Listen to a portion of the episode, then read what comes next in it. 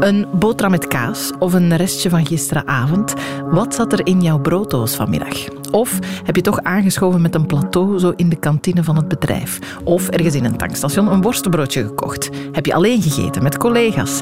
Wat we smiddags eten en hoe we dat doen vertelt veel over ons. Dat hoorde ik, Annelies Moons, in Een kleine geschiedenis van de schaftijd. Een podcast van het AMSAP, het Instituut voor Sociale Geschiedenis. Welkom en smakelijk alvast. Voorproevers. Professor Charlotte de Bakker, eh, welkom. Uh, je bent hoogleraar van het departement communicatie van de Universiteit Antwerpen. En je doet onderzoek naar communicatie rond voeding en de sociale dimensie rond eten. En jij ziet ook in die podcast een kleine geschiedenis van de schaftijd. Ik zou hier nu kunnen uitleggen uh, wat die podcast allemaal doet. Maar Sven Spijbroek, uh, die hem presenteert, doet dat eigenlijk zelf uitmuntend. Dus ik laat gewoon hem en iemand anders nog aan het woord, want zo begint de podcast. Dat was in de tijd dat wij Dat we nu bij ons Mimi. Dit Met mooi, met boy, met mooi, met boy, met werd door snorren. is een kleine geschiedenis van de schaftijd. En ja, die kregen onder boterhammetjes mee. Dat wordt dat schof om 9 uur, mordsmiddags. Moest niet allemaal onder gekookt eten. Een podcast van het AMSAP, het Instituut voor Sociale Geschiedenis in Gent. En dat was hij bij de Bienoren bij Vilsgram om een kilo peerde gekapt. Een van de dingen die ze daar doen in Gent is getuigenissen verzamelen van mensen over hun werk. En het leuke is, mensen vertellen het liefst van al over hun middagpauze, over de schaftijd. En eh mijn Pietje, die hadden, eh, als je een hofje, het werk van nakkeren. En dacht er vuur moet je patatjes wist te steken en worteltjes. En ja, een beetje moest eten maken, hè. De archieven van het AMSAP zitten vol met verhalen over stutten en soepen. Sociale wetenschappers vinden dat fantastisch. Voor hen is dat gevoelensfressen. Dat waren grote eh, oranje kastrol en gietijzeren. En die bollen die stonden al van de dag ervoor op de stoven. Kastrollen en brooddozen en refters vertellen ons zoveel over wie wij vroeger waren en vandaag nog altijd zijn. Kort na twaalf was iedereen ervoor te komen eten. En eh, ja, weet je, allee, het was eten. De kastrollen op tafel, elke diepe taluren en elke verzet. Op, allemaal onttoffelen en maar patatenschapen en wortels op. En dan maar sausen en plader, plader, plader, plader. En nou, dat smokt er nog nooit gebeurd. Oh, ik had er graag willen, willen bij zijn tussen de taloren en de, en de kastrollen. Ja, de- bij mij was het iets anders. Wat er in onze brooddoos zit, zegt veel over ons. Hè, dat, Ja. dat hoorden we net ook. Eh, ja, dan stel ik eerst de liefst de vraag, eh, wat zit er zo meestal in jouw eh, brooddoos, professor Ja. De Bakker? Wel, eigenlijk, ik dacht eraan onderweg naar hier. Al bijna 40 jaar lang eet ik bijna elke middag een boterham met kaas. Oké. En ehm, ja, dat zegt, dat zegt veel over mij. Want we leren in de podcast onder andere dat, dat, dat je moet variëren. Maar ik hou nogal graag aan vaste routines. En ik ben ook eh, redelijk routinematig. En ik hou van, van structuur. Ehm, wat kan ik verder over? Die, die boterham is meestal zelf gemaakt. Dat zegt ook Eh, iets, ja. Ik ben ook de bakker, dus ja, dat kan. Dat moet. Ik, moet wel bakken. En ehm, ja, dat heeft ook te maken met... ehm, eh, er zijn niet veel bakkers waar ik nog echt lekker brood kan vinden vandaag. En echt lekker voor mij is dat... Want die boterhammen, dat zijn echt van die dikke decemboterhammen. Vandaag was het zelfs een, een rogge zuur decemboterham, een goede dikke. Eh, en dat eet ik liefst van al. En ergens is dat ook omdat ons dochtertje niet mijn boterhammen liever dan die van een andere bakker. En dat is ook, ja, brood maken is voor mij een vorm van liefde geven, doorgeven aan het gezin. Kijk, nu heb ik toch het gevoel dat ik jou al een beetje ken. Eh, want, want dat zegt inderdaad veel over jou. Nu dat brood, eh, je bent, we leren inderdaad dat het belangrijk is om te variëren. Maar de meeste mensen, veel mensen, is toch brood, brood, brood. De eerste aflevering van de podcast die heet ook brood, brood en nog eens brood. Want eigenlijk is het heel lang heel veel brood sowieso geweest. Hè? Ja, inderdaad. We leren in die eerste aflevering van, van professor Scholiers, die zo mooi culinair historicus is. En voor die, die mens zijn stem alleen al zou ik luisteren naar de podcast, want ik, ik luister heel graag naar hem. En die heel mooi vertelt hoe inderdaad brood heel lang eigenlijk onze, ons basisvoedingsbron geweest is. En niet alleen over de middag, maar ook gewoon s ochtends en tussendoor. En in de namiddag aten mensen een homp brood, echt een stuk brood. eh, vaak zonder iets bij, met gewoon water bij. En we overleefden op water en, en brood. En het pas was pas in de ehm, industriële revolutie en met de crisis en ook de voedselcrisissen die er kwamen, dat eigenlijk met de introductie van de aardappel die, die boterham gaandeweg een beetje vervangen is door de patat. Ja, ja, want eerst was de aardappel voor de dieren. Ja. Uh, want dat, dat was toch maar iets raar van ver weg. En dan uh, daarna zijn ze die beginnen omarmen. En dan was het uh, patat, patat en nog eens patat. Was de tweede aflevering, had de tweede aflevering kunnen zijn. Ja, um, ja dat, dat, dat brood, smiddags je zegt, ik hou van routine. Word je dat dan zelf nooit beu? Heb je nooit zoiets van, nu zou ik toch iets anders willen? Want ik vind het moeilijkste aan een brooddoos dat je dat of de avond ervoor of s ochtends hebt gemaakt en dat dat niet altijd past bij wat je dan smiddags zou willen of waar je nog zin in hebt. Ja, daar heb ik, daar heb ik het zelf minder moeilijk mee. En bij ons in het gezin, iedereen eet gewoon een boterham met kaas. Gelukkig, want dat is, dat is heel makkelijk. Maar ik snap dat, en ook vanuit gezondheidsoverwegingen, zoals dan in de aflevering met Melode Goderis, met de arbeidsarts, eigenlijk aan bod komt, ja, we zouden beter afwisseling wisselen en we hebben ook wel een, een drang naar variatie. Maar ik denk dat de meesten onder ons dan niet in het ontbijt of uit het ontbijt of de lunchpauze halen, maar wel uit het avondmaal. Je moet mij niet iedere avond macaroni met gesp en kaas voorschotelen. Mijn record is, denk ik, zeven dagen op rij ooit bij mijn grootmoeder. en zij heeft daarna nooit meer macaroni met gesp en kaas willen eten. En daar wil je wel die variatie. Maar het is ergens, die lunchpauze is ook beperkt. Eh, de, het ontbijt moet meestal ook snel. En op zo'n momenten kan een beetje een houvast, een, een vaste structuur ook wel voor ja, een meerwaarde bieden. Ja, ja, ja. Het is wel zo dat we, we kijken ook wel naar wat die anderen eten. Ik, heb, eh, ik eet hier middags vaak met collega's. Eh, hier bij ons in de mes heet dat, onze kantine. Ik weet heel goed, dat is de collega die altijd zijn brooddoos heeft met zes kersttomaten en drie boterhammen.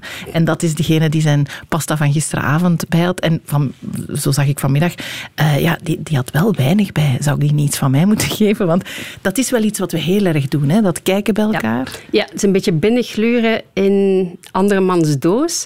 En het is eigenlijk mooi dat je het zegt, want Vorige week, onze dochter heeft een nieuwe brooddoos. Die is al lang bouw. Een heel groot, massaal ding waar dat ze heel veel vakjes kan vullen, maar die is volledig doorzichtig.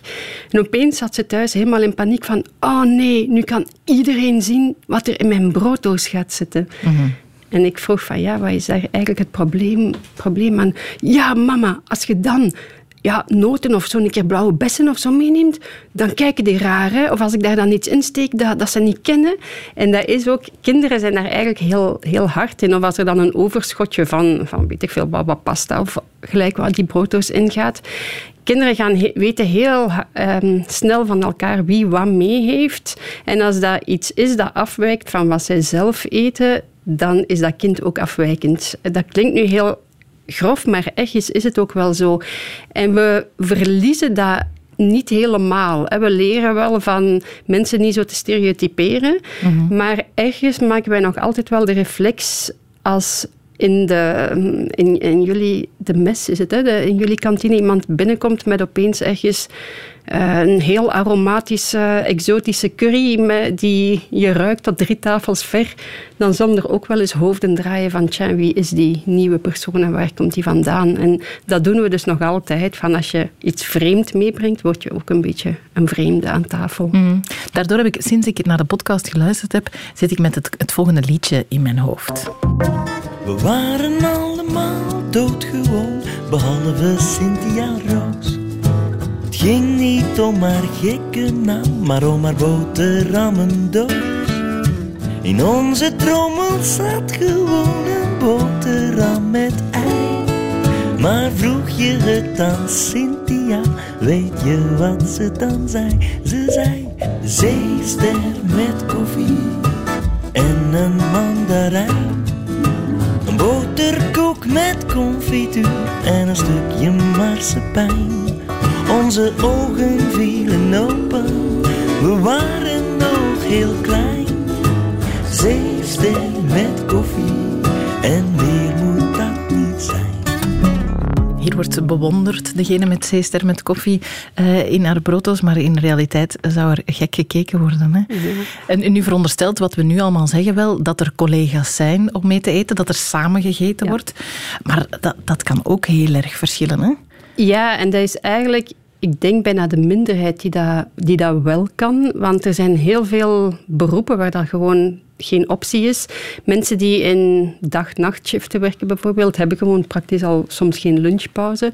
Maar ook heel veel mensen die op de baan zijn, die alleen zijn, truckers, die kwamen ook aan bod in de, in de podcast. Um, poetspersoneel, die ja, alleen aan het, aan het werk zijn, ergens thuis, die kunnen het praktisch niet, omdat er geen collega's aanwezig zijn. En dan is er ook nog de groep van mensen die, die het zich niet kunnen veroorloven om een lunchpauze te nemen. En dan heb ik het niet over, over ja, mensen, ik zal nu zeggen mensen als jij en ik, want ik kan ook soms zeggen van ja, maar vandaag had ik geen tijd om, om te lunchen.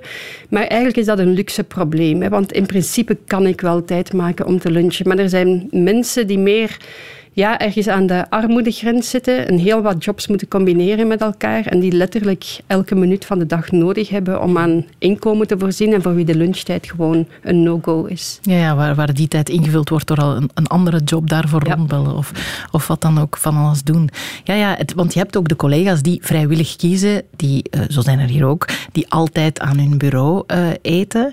Uh, dat ja, dat is niet zo gezond. Dat leren we in de podcast. Maar zo zijn er ook wel veel mensen. Wat, wat zeg je, of wat vertelt het ons over die mensen dat ze dat doen? Ja, verschillende redenen. Van, en ergens vind ik het zonde, want als je kan eten met collega's, dan zou ik ook echt aanraden van, van doe dat. Want dat is echt het sociale cement binnen, binnen een bedrijf, zoals ook in de podcast wordt gezegd.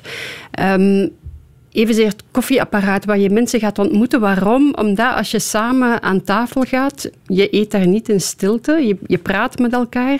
En dat worden meestal vrij informele gesprekken. Maar die informele gesprekken, soms wordt daar ook heel belangrijke zakelijke informatie gedeeld, die achteraf dan formeel wordt. Maar ook gewoon de, de small talk is heel belangrijk om een band te krijgen met elkaar. En dan los van, van het eten, want je kan zeggen van ja, dan hoef je niet samen te lunchen. Je kan ook gewoon samen in vergaderen, in een ruimte gaan zitten of een gesprek hebben met elkaar. En toch is dat anders, want van zodra er eten bij komt, creëer je eigenlijk een soort van intieme context. Um, als ik met, met iemand die ik net pas heb leren kennen een pintje ga drinken of een koffie ga drinken, is vrij neutraal. Maar als ik met die persoon ga eten, dan, ja, en zeker als dat ja, een, een etentje onder ons tweeën of, of een etentje is waar je zaken gaat delen met elkaar ook, um, tapasbordjes, et cetera, dan wordt dat vrij intiem. En dat heeft te maken met voeding is eigenlijk doorheen de hele geschiedenis van de mensheid iets geweest dat we nooit alleen gedaan. Alleen, onze voorouders deden het ook alleen, maar de momenten dat ze het samen deden waren centraal. Want dat waren momenten dat eigenlijk um, in tijden van voedselschaarste en dat het moeilijk was om aan voldoende en gevarieerde voeding te geraken, was het een feest als je met een groep allemaal samen etenswaren kon uitdelen met elkaar en zo aan een gevarieerd um, dieet kon geraken. En die momenten zijn zo cruciaal geweest, hebben ons zo hard geschapen als mens zijn, dat wij dan nog altijd vandaag de dag met ons meedragen. Dat samen eten met anderen, dat is iets dat verbindt. En in heel wat niet-westerse culturen is vandaag de dag zelfs nog altijd zo dat er heel strikte regels zijn van wie uit dezelfde potten mag eten, wie samen aan tafel mag zijn, wie samen in eenzelfde ruimte mag zijn. Net omdat het samen eten, samen aan tafel gaan, samen uit die potten scheppen een heel sterk symbool is van intimiteit. Ja. En dat je niet met iedereen wil betrapt worden dat je uit dezelfde pot gaat eten. Ja, ja het is wel verbindend, niet alleen door bij in elkaars nabij te zijn, want dan kan je ook een koffie gaan drinken. Je zit natuurlijk ook voor het eten. Het duurt langer dan even aan het koffieapparaat van de waterfontein staan. Ja. Je bent er ook al gewoon langer. Ja, je bent er langer, maar het is niet enkel de tijd. Want er was, een, er was een studie die echt gekeken heeft naar gezinsactiviteiten. Uh, je kan bijvoorbeeld ook als je Monopoly speelt, ben je ook voor een paar uur weg en dan wordt er ook wel gepraat. Maar ook ruzie gemaakt. Maar ook ruzie in sommige gevallen. Nu, aan tafel wordt ook ruzie gemaakt. Hè. Als, uh, maar toch heeft dat samen eten iets veel intiemer dan gelijk welke andere activiteit dat je kan gaan doen. En dan zit er eigenlijk ook nog een, een andere component aan verbonden, maar dat is enkel als je samen uit dezelfde pot gaat eten. Want zelf in mijn eigen onderzoek maak ik een groot verschil tussen samen aan tafel zitten. Als je hier in de mes met je collega's gaat eten en je eet allemaal iets verschillends, je eet wel samen fysiek aan dezelfde tafel, maar dat is anders dan als je thuis vanavond, stel dat er op menu balletjes in tomatensaus met spruiten staat, dan hebben we een heel mooi dilemma. Want als daar meerdere kinderen ook aanwezig zijn, dan tellen die van hoeveel balletjes in tomatensaus zijn hoeveel balletjes mag ik hebben, Gaat die, gaan die eerlijk verdeeld worden. Evenzeer zullen ze kijken of de spruitjes eerlijk verdeeld, ik krijg er toch, maar, ik krijg er toch geen zes als degene die naast mij zit er drie krijgt, et cetera. En daar zit je ook met dynamieken die we... Kinderen spreken het nog uit, maar wij als volwassenen spreken het vaak niet uit. Dat je samen gaat eten met iemand en dat je misschien in jezelf denkt van verdorie, die heeft nu zoveel opgeschept en ik had eigenlijk ook wel nog zin in dat laatste stukje lasagne of et cetera. En ook het, het schaambrokje dat er op het eiland, zo noemen wij dat dan, het allerlaatste hapje van de laatste olijf die daar nog ligt, die blijft daar soms lang liggen, tot er dan vaak dezelfde persoon die dan toch opeet. Ja, dat, dat hebben we ook allemaal gezien. Ja, zich opoffert of eigenlijk ja, dan het geluk heeft van, van dat laatste te mogen eten. En dat is echt ook iets, dat echt... Ja, sommige mensen letten daar heel hard op, andere mensen letten daar weinig of niet op. En die zullen dat schaamteloos ook pakken en opeten zonder daar veel bij stil te staan. Maar dat zegt eigenlijk ook iets over wat voor persoon je bent. Dat je misschien niet altijd bezig bent met, met anderen en wat zij willen en wat zij verlangen. En dat misschien iemand anders ook nog die laatste olijf had gewild. Ja, ja. Want het, in de podcast gaat het ook bijvoorbeeld over een verjaardagsfeestje voor kinderen. Jij bent pro-taart of cake, maar geen, niet aparte porties, geen cupcakes. Dat mag niet. Um, ja, mag niet is sterk uitgedrukt. beter niet, ja. Ja, beter niet. Liever niet, omdat het mooie aan één taart op een verjaardagsfeest is dat kinderen echt tot een millimeter kijken hoe groot hun eigen stuk is en hoe groot het stuk van de anderen is. En eigenlijk gaan, gaan afmeten van heb ik wel evenveel gekregen. Dan is er ook de jarige mag zich eerst bedienen en dan, daar wordt dan dikwijls ook bijgezegd, we geven het eerste stukje aan de jarige, want die vandaag krijgt een speciale behandeling. En zo leer je eigenlijk kinderen van jongs af, jongs af aan op een heel subtiele manier van ja, in de maatschappij, we proberen elkaar fair te behandelen, maar dat kan niet altijd. En soms heb je recht op voorrang en soms moet je een beetje wachten en soms krijg je een beetje meer en soms krijg je een beetje minder. En als je dan met die cupcakes afkomt, dan is eigenlijk dat hele ja, moraliserende aspect is eigenlijk weg. Dus ik ben pro-cupcakes in de klas om de leerkrachten te ontlasten van die taak. Als ik zelf kinderen uitnodig bij ons, ja, dan probeer ik um, toch een taart of pannenkoeken, of als het cupcakes zijn, een geen gelijke cupcakes, grote en kleine. Ja, of meer chocola en minder. Net één extra één, één tekort ga ik niet doen, maar één extra of twee extra durf ik wel soms eens doen. Ja, ja, ja, ja om te zorgen dat er... Dan zo leren ze op een, um, ja, op een laagdrempeliger manier wat er gebeurt met wat we verdelen. Ja, ja, ja, ik begrijp het. We hadden het nu net over dat eten uh, aan je bureau. Um, dat, dan denken wij aan achter je computer eten, maar er zit een heel mooi verhaal uh, in de podcast over uh, twee mannen die in de diamantsector werken en die aan hun bureau eten. er zat iemand naast mij en om negen uur hadden wij de hond aan een boterham ja. Ja, terwijl dat ze voort aan het scheiden waren. Ja. ja. En die diamantjes staan zo in kleine potjes. En hij is zo aan het eten. En als dat dan die boterhammetjes ophouden, alles opruimen en weg. Potverdorie. Als het avond is, zegt hij tegen mij. Hij had vertikken zeggen, kijk ik hier twee steentjes tekort. Of drie. Drie steentjes tekort. Ja, hoe gebeurt dat? Ze had daar eens misschien een potje ik heb dat zo te kennen. En bij een baan en zo. En niks gevonden. Dat zal er als, moet dit alweer? Zei joh, ga je dat toch niet opgeten? Dan zeg ja, je moet nog niet lachen zijn. Misschien is dat wel zo. En man dat daarvoor speciaal van die zeefjes met heel fijne netjes. En je moest dat dan schudden. Ja. Het vuil En normaal zou je toen iets blinken. Hij zei, hij men dat terug. He. Dus hij pakt zo'n netje en neemt dat mee naar het toilet. Met als dat doen zijn, zo wat voor. Zij moet dat doen meteen en je weet dat toch nooit, hè? Ja, dat we dan zo, er alle drie in, hè? Wat is opgegeten? Kijk, het kan gevaarlijk zijn en tot grote verliezen voor je werkgever leiden als je aan je bureau eet. Uh, ja, zo gaat het, hè? Ja, soms. Tenzij dat je dan thuis een opoffering doet om die steentjes alsnog te gaan terugvinden. Ja, met een zeefje. Ja. zoals hier bij deze, bij deze heren. Um, we hadden het over dat, dat samen eten. Hè, dat het wel belangrijk is als je met z'n allen voor de sfeer uh, kan dat goed zijn. Maar het omgekeerde is, is natuurlijk ook wel waar. Wat als je niet meegevraagd wordt. Er wordt ook veel gezegd door niet mee te gaan eten of mogen mee te gaan eten. Ja, dus, ja er zijn mensen die ja, soms systematisch niet meegevraagd worden. En dat is een vorm van uitsluiting ook. En dat kan heel hard aankomen. Anderzijds heb je ook mensen die misschien vrijwillig niet mee willen eten. Um, ik denk bijvoorbeeld aan, aan mensen die lijden aan misofonie, die niet tegen de smakgeluiden van anderen kunnen.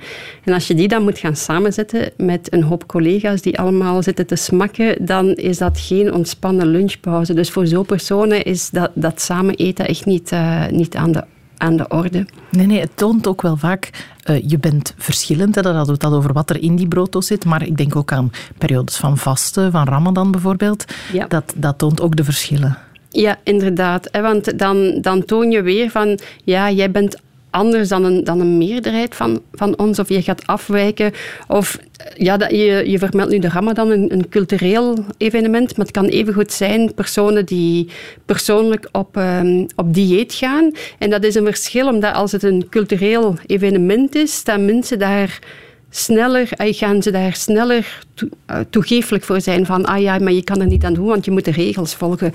Als je uit eigen persoonlijke keuze zegt van ja, maar ik eet deze week eh, of ik eet deze maand geen suiker of geen kaas of geen boterhammen, dan wordt het ook iets heel persoonlijk. En dan gaat men het ook heel persoonlijk nemen van ja, maar jij gaat anders doen dan al de rest. En, en waarom eigenlijk? En als het dan nog eens met gezondheidsredenen te maken heeft, dan kan het ook zijn dat je eigenlijk jouw actie een beetje moraliserend overkomt naar de rest van ik ben goed bezig en, en wat met, met jullie. Dus daar spelen heel veel dynamieken eigenlijk. Ja, ja dat mensen dan denken, uh, vind, jij vindt dat ik te veel suiker eet. Want gewoon omdat ze zelf geen suiker eten. Ja. Ja, ja, dus het is wel een gevoelig onderwerp, hè? Eten is heel gevoelig. Uh, het raakt aan het, ja, het innerlijke van de mens. En ook letterlijk, je eten is wat we in ons lichaam steken. En eten is niet enkel brandstof voor ons lichaam, maar een heel belangrijk element van onze identiteit, van wie wij zijn. En ik was gisteren nog op sociale media aan het kijken naar reacties op um, de krant De Standaard. Heeft nu zo uh, aan de lezers gevraagd van wat zou jullie advies zijn om mensen toch meer aan te zetten tot gezonder eten. Daar zaten mooie voorbeelden bij. Maar in de reacties zag je direct weer de, de hele boze uh, waarom mensen, moet dat? Ja, waarom moet dat en blijf van mijn bord af en ik mag zelf kiezen. En eigenlijk is dat een beetje hetzelfde mocht je gaan zeggen van ja, iedereen moet zich gelijk gaan kleden, want bepaalde kledingstijlen stijlen zouden gezonder zijn dan andere. Daar moet je ook niet aan raken. En dat is omdat, net als ons, ons kledij, is ook onze voeding een vorm van onze identiteit, van wie wij zijn. En daaraan raken is echt heel persoonlijk. En daar wordt, denk ik, van, vanuit de gezondheidskant nog te weinig rekening mee gehouden. De ja, diëtisten zullen vaak aan de gezondheidsvoordelen denken maar minder snel aan de identiteitsaspecten waar ze eigenlijk aan gaan raken. Als jij opgegroeid bent met alle dagen een stuk vlees, wat patatten en af en toe is een, een beetje groente erbij, is dat moeilijk om dat te veranderen, omdat dat is wie jij bent. En je kan dat niet zomaar gaan omturnen naar, naar een ander eetpatroon. Ja, ja, en het is ook deel van het verhaal van, ik, dat hoorde je ook, we komen buiten uit de mijn was het, en dan staat daar een frituur en dan eten wij allemaal een cervela en dan als dat deel is van, van wie je als werkmens bent, en dan is dat, kan je wel zeggen, elke dag een cervela is geen goed idee, maar eh, dat, dat hoort er dan gewoon ook wel een stuk bij. Ja, dat hoort erbij en daar hoort ook nog eens een, stukje groepsdruk bij. Want je wil erbij horen, dus je hebt wel je eigen identiteit, maar je hebt ook je sociale identiteit, je groepsidentiteit. En als je erbij wil horen, ja, jongeren die beginnen bintje drinken om erbij te horen, is daar ook een, een mooi voorbeeld van. Maar of als je op restaurant um, gaat en iedereen, je bent met een groep van, van negen en iedereen bestelt stoverij met frieten, dan is het moeilijk om de enige te zijn die voor de vegetarische optie bij wijze van spreken gaat. Ja. Ja, ja. omdat je dan echt afwijkt van wat eigenlijk de, de heersende norm is. Ja, ja, ja. dus dat, dat heeft wel veel implicaties, dat we naar elkaars brooddoos kijken, naar elkaars bord kijken. Um, om even historisch te kijken. We hadden daar straks in het fragment ging het over iedereen ging eigenlijk naar huis uh, om te eten. Ehm, dat, dus dat brooddoosgegeven, dat is er nog een relatief nieuw gegeven? Ja, de brooddozen zelf op zich zijn, zijn relatief nieuw. Omdat ja, wij dachten dat thuiswerken en uh, thuis lunchen helemaal nieuw was sinds de COVID-19-periode en de tijden dat we thuis gezeten hebben. Maar vroeger was dat de norm. De boer werkte op het veld. De fabrieksarbeiders werkten meestal dicht bij huis. En het was pas echt met de komst van de, de, de machines en dat alles sneller moest gaan en er steeds minder tijd kwam om te lunchen. Want vergeet niet, vroeger krijgen mensen een uur de tijd om te lunchen. En dan denk je, wauw, wat een luxe. Maar ze hadden wel dagen van 15 uur. Vandaag hebben wij werkdagen van 7 à 8 uur met een lunchpauze van ergens rond de 20 minuten. Die 20 minuten zijn, zijn heel kort. Dus wij kunnen ook gewoon, praktisch gezien, de meeste van ons kunnen niet naar huis om snel een boterham te eten en terug. Dus daarom dat eigenlijk met de opkomst van de industrialisatie eigenlijk ook die, die brooddozen meer in, in um, opmars gekomen zijn. Ook nog eens in de naoorlogse periode dat de, de status van, van de huisvrouw, zoals Bieke Purnell ook mooi, mooi uitlegt aan de, in de aflevering over vrouwen en, en de lunchtijd, dat eigenlijk ja, de huisvrouw een soort van statussymbool werd. En de brooddoos die ze meegaf met de, met de man, die dan mooi gevuld was, en voor de kinderen ook, was ook ergens een soort van statussymbool van kijk, wij kunnen het ons veroorloven dat één iemand thuis blijft en zich gaat bekommeren over die, die brooddoos. Ja, ja. En ook nog warme brooddoos die ook... Ik, ik had ineens een beeld van in India heb je zo uh, mensen die met een, de fiets honderden van die tinnen kokers gaan rondbrengen. Uh, de Dabawala heet dat, geloof ik. Hebben ze allemaal zo van die warme ja, lunches die worden geleverd van thuis naar het werkplek. Ook dat gebeurde toen nog heel veel. Hè? Dat gebeurde bij ons ook. Hè. En ze werden soms, het mocht soms niet, maar ze werden op de warme toestellen gezet, op de stoof, om toch te kunnen, te kunnen opwarmen en een maaltijd dan warm te kunnen eten. Maar inderdaad, ja, er werd altijd wel voedsel, meestal toch voedsel meegebracht van, van thuis. En dat is een gegeven dat we eigenlijk vandaag de dag nog altijd wel hebben. En dat je eigenlijk met die brooddoos ook een stukje thuis eet. Omdat wat je meebrengt is heel intiem, omdat je laat zien wat, eh, wat, er bij jou thuis gegeten wordt en wat er bij jou thuis klaargemaakt wordt. Maar het kan misschien voor sommigen ook een soort van ja, troost zijn dat met je brooddoos dat je daar zit, dat daar een stukje mama of een stukje partner of een stukje uh, mm -hmm. ja, wie, wie ook jouw brooddoos klaargemaakt heeft, mee aan tafel schuift. Dus in die zin is ook, je eet niet enkel samen met de mensen met wie je fysiek in dezelfde ruimte bent, maar je eet ook samen met de mensen die de potten bereid hebben, of het nu een brooddoos of de, de pot met de avondmaaltijd gaat. Ja, zelfs als er geen briefje in zit, dan nog is de connectie er wel. Ja, zit er nog de liefde van thuis. Ja, ja maar dat is, wel, dat is wel heel mooi, want het is wel een verschil met... Ik kijk dan naar hier in die kantine. We hebben het verschil tussen de brooddoosmensen ja. en de plateau-collega's. Zegt dat ook dan weer iets over ons, uh, welk van de twee we zijn? Ja, dat zegt iets over jullie, maar dat zegt eigenlijk nog daar zit eigenlijk een ander aspect aan dat ook heel belangrijk is. Want er was een, een studie op een school waar men wou kijken van wat is nu eigenlijk het best, sociaal gezien. Dat de kinderen zelf een brooddoos meebrengen of dat de school eigenlijk ja, kantine... Ja, dus diezelfde pot. Ja, ja, diezelfde pot, hè, dat iedereen hetzelfde eet. Ze keken ook naar gezondheidszaken, daar, daar heb ik het niet over, maar wel naar de sociale aspecten. Wat bleek, de kinderen die als ze brooddoos meebrengen, dat is heel intiem. Dus die gaan elkaar gaan beoordelen op basis van die brooddoos en zo kunnen eigenlijk ook fricties ontstaan. De kinderen die uit de kantine aten, als zij misnoegd waren met wat er op tafel kwam, dan hadden ze eigenlijk elkaar om te protesteren ja, tegen het systeem. Vijand. Ja, een gemeenschappelijke vijand. Dus in die zin is eigenlijk die kantinekost een voordeel om het groepsgevoel tussen iedereen die daar verplicht van moet eten eigenlijk te bevorderen. Ja, ja oké, okay, ja, interessant. Ja. Dus nu ook wel, uh, dat wil ik eens voorleggen, want wij met Radio 1, we hebben hier dus de VRT-kantine, dat is een grote zaal. Sinds een paar jaar eten wij met de Radio 1-collega's van verschillende teams bij elkaar. Um, dan zijn wij met veel. Dus soms gaan wij in een aparte zaal uh, zitten. Zegt dat ook iets over ons als Radio 1, dat wij ons afzonderen van de rest van de VRT? Ja, dat, zegt, uh, dat, dat signaleert dat jullie een heel nauw verbonden groep zijn. En dat is op zich een heel mooi gegeven. Nu, alles met groeps- en sociaal gebeuren heeft een, een mooie zijde en een, een keerzijde, een meer duistere zijde. Het kan zijn dat andere mensen denken van, oh, die van Radio 1, die voelen zich te goed om met ons te eten, of die willen niet tussen ons komen zitten.